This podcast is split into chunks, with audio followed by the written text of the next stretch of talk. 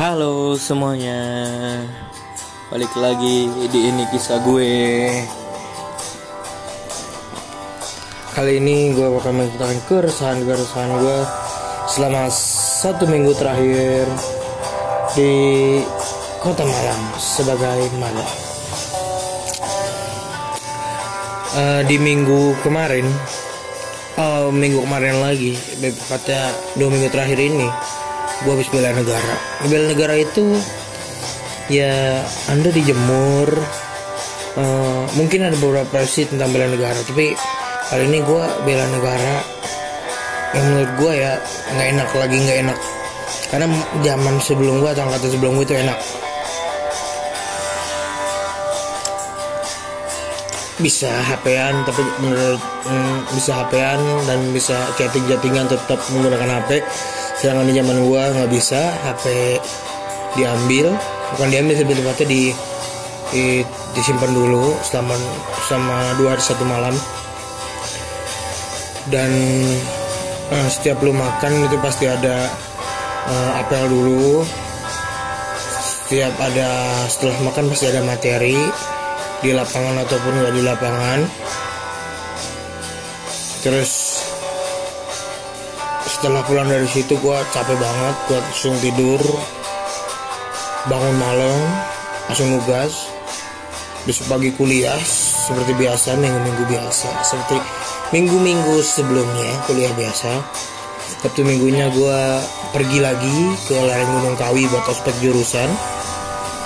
Gue naik gunung naik lereng gunung kawi itu di hari kedua karena sebagai jurusan juga dua hari satu malam naik ke lereng gunung biasa lah. Di pos satu ya biasa kasih ke saya tahu tentang sesuatu sesuatu yang harus dilakukan oleh geografer yang ada di dunia atau geografer yang di Indonesia mengamati hal sekitar peduli dengan teman solid. Jadi itulah pulang balik lagi rutinitas biasa ngerjain tugas. Lalu kuliah lagi sampai hari ini dan menurut gua hal-hal yang perlu itu sebenarnya cuma eh, aspek jurusan. Sedangkan bela negara itu menurut gua kurang perlu. Karena di bela negara materi bela negara pun sepertinya sudah ada di mata kuliah atau di perkuliahan itu sendiri. Sedangkan aspek jurusan itu lebih dalam menurut gue lebih pada solidaritas cinta alam terus eh, jangan lupakan hal-hal kecil sedangkan di bela negara menurut gue hal-hal yang seharusnya disampaikan itu tuh gak disampaikan. Jadi cuma materi yang ya baris berbaris cinta tanah air yang semestinya pun itu udah ada sebenarnya di mata kuliah. Pendidikan Pancasila itu dapet semester satu kalau gua. Kalau yang lain gua nggak tahu sorry gua batuk.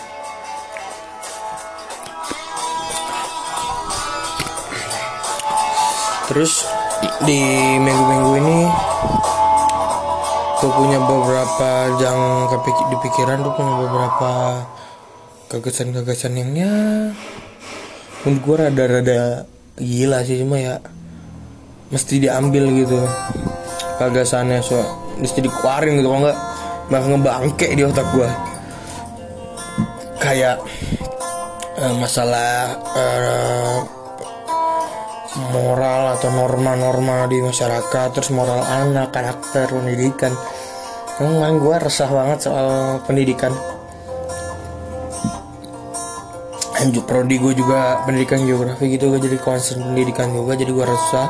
Ditambah lagi dengan penjelasan salah satu dosen gue di kelas tentang perbedaannya apa istilah norma yang telah bergeser terus karakter yang telah berubah yang dari dulu hingga sekarang perkembangan teknologi atau globalisasi yang membuat eh, khas ciri khas ciri khas Indonesia tuh mulai luntur gitu seperti tak yang tadinya tetanggaan itu saling sapa menyapa dulu namanya ada kerja kerja bakti di sebuah kampung itu berjalan maupun di kampung yang di kota maupun di desa gitu perkampungan di desa maupun perkampungan di kota itu berjalan. Tapi kalau sekarang di kampungan di kota pun nggak ada yang namanya bersih bersih kampung. Yang namanya ada acara tahunan acara bukan tahunan sih acara keselamatan kampung lah.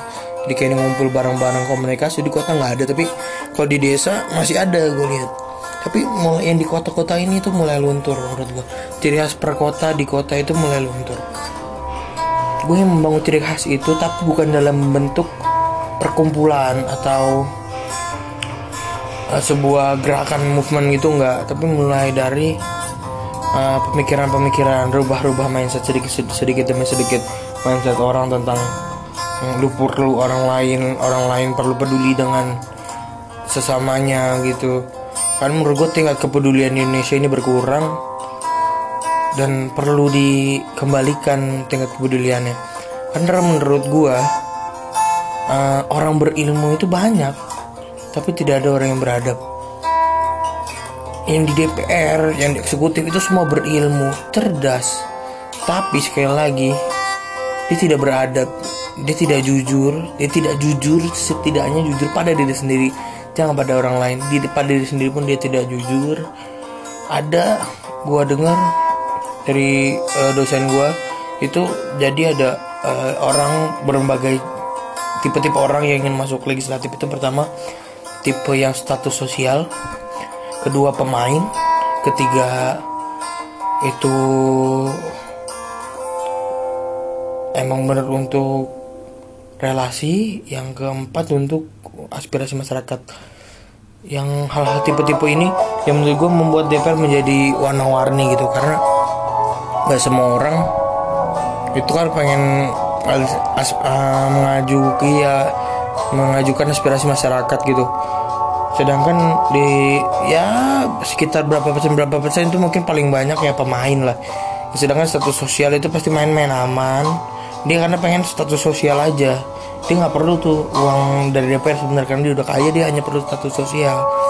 Terus sedangkan yang pemain itu dia perlu uang. Pemain itu perlu uang jadi bukan perlu uang dan perlu nama dia. Buat masuk ke yang lebih tinggi jenjang lebih tinggi lagi kalau pemain. Terus kalau yang buat relasi itu biasanya buat pribadi diri sendiri jadi biar kayak anak ya biar keterima di mana biar aman lah hidup masa depan anak dan keluarganya itu yang pribadi. Sedangkan kalau yang aspirasi masyarakat ini menurut gue sedikit masih sedikit masih kurang banyak. Karena aspirasi-aspirasi yang diajukan masyarakat didengar namun sering kali yang muncul itu lawan lawannya gitu. Jadi kayak antonim aspirasi yang diajukan yang muncul tuh yang berbeda aspirasi kita didengarkan. Iya didengarkan tapi banyak hal yang berbeda. Yang keluar tuh malah berbeda hasilnya. Prosesnya kita pantau prosesnya ya masih oke okay lah. Ketika proses ketika result atau hasilnya itu sudah berbeda. Itu banyak banget. Undang-undang hasil prolegnas sekarang itu yang kayak gitu. Gak banyak sih. Cuma karena sering muncul di internet di berita itu jadi kelihatan masalah banget. Padahal nggak menurut gue ya masalah sih iya masalah. Cuma sebaiknya ya emang di teken nggak nggak di teken gitu di sebaiknya di bicarain lagi lah dari sebelum dikeluarin undang-undangnya. Berapa undang kayak undang-undang ITE aja termasuk gua ada termasuk orang gak setuju undang-undang ITE karena undang-undang ITE itu kayak kayak senjata gitu buat orang pengecut yang nggak berani eh, ngeluarin bukti dan data secara fakta hanya ya omongan-omongan yang bikin yang menurut dia me, menyinggung dia. Bisa dimasukin penjara kayak nama baik pencemaran nama baik gitu, gitu kan di UIT itu keras banget. Di media pun keras. Karena kebanyakan media pun nyari berita yang ya agak-agak nyimpang dikit gitu. Terus keresahan-keresahan ini gue perlu dirubah. Apalagi kita tuh gue khususnya prodi pendidikan kan gue ingin ingin merubah itu semua kan. Menurut gue ya gue punya solusi yang tapi ya kayaknya susah gitu. Kayak pendidikan untuk orang tua itu yang perlu sebenarnya sebelum kita jadi orang tua itu kita harus punya pendidikan sebagai orang tua. Sedangkan pendidikan orang tua tuh nggak ada nggak ada sekolahnya orang tua. Kan orang tua tuh mendidik berdasarkan pengalaman. Sedangkan bagaimana dia mau mendapatkan pengalaman? Kalau dia belum punya anak. Nah yang gue sedih ketika dia punya anak pertama. Anak pertama itu kan pasti jadi istilahnya jadi percobaan pertama cara dia mendidik. Gagal atau enggaknya. Itu karena anak pertama itu kan pasti kan di situ dia mencari pengalaman. Di situlah orang tua mencari pengalaman. Ketika anak kedua pengalaman sudah ada namun belum diolah sebagai eh, hasil yang bagus untuk mendidik anak kedua. Anak kedua pun jadi ya ada didikan ada, didikannya tetap ada uh, percobaannya juga tetap ada karena belum sempat anak pertama pernah udah gede belum bisa dididik lagi bisa belum bisa dididik dengan benar lagi. Yang udah besar ya anak kedua coba jadi coba anak kira nambah lagi. Kayak pengalaman buat anak selanjutnya. Sedangkan yang dua anak tadi belum mendapatkan pendidikan dari keluarga yang benar gitu. Jadi kayak sosok lah pendidikannya tuh ya rada-rada gitu. Pendidikan keluarga yang maksud gue karena semua yang bagus semua yang indah semua yang jelek yang buruk positif negatif itu berawal dari sebuah keluarga karena keluarga adalah pondasi segalanya dalam hidup manusia. Keluarga lu bagus lu pasti bakal bagus karena the family is foundation for everything. Keluarga lu tuh pondasi untuk segalanya. Keluarga lu yang bisa membuat semangat. Keluarga lu yang bisa buat lu jatuh. Keluarga lu yang bisa buat lu bangkit. Keluarga lu yang bisa buat lu berlari kencang keluarga lu juga yang bisa buat lu lambat. Karena keluarga tuh berdampak banget pada diri masing-masing orang. Orang yang menurut gua kebal atas apa pun juga nggak nggak tiba-tiba bisa jadi hebat karena dirinya sendiri.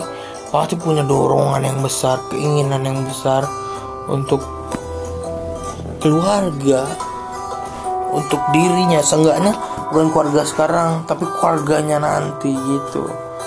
Karena semua rasa yang pernah lu dapetin sekarang semua lelah yang pernah lu dapetin sekarang itu akan terbayarkan nanti ketika lu berkeluarga. Ketika lu ingin mendapatkan pekerjaan ketika lu kerja untuk siapa? Kerja untuk membagi kerja untuk sesuatu itu akan jelas. Eh, pencapaian itu akan jelas pengorbanan lu akan jelas ketika itu semua terjadi. Cukup sekian podcast gue itulah keresahan gue kenapa gue pengen bikin podcast hari ini. Bagi yang suka atau dengerin bagi yang nggak suka ya dengerin juga karena ini podcast kedua. Terima kasih. Bye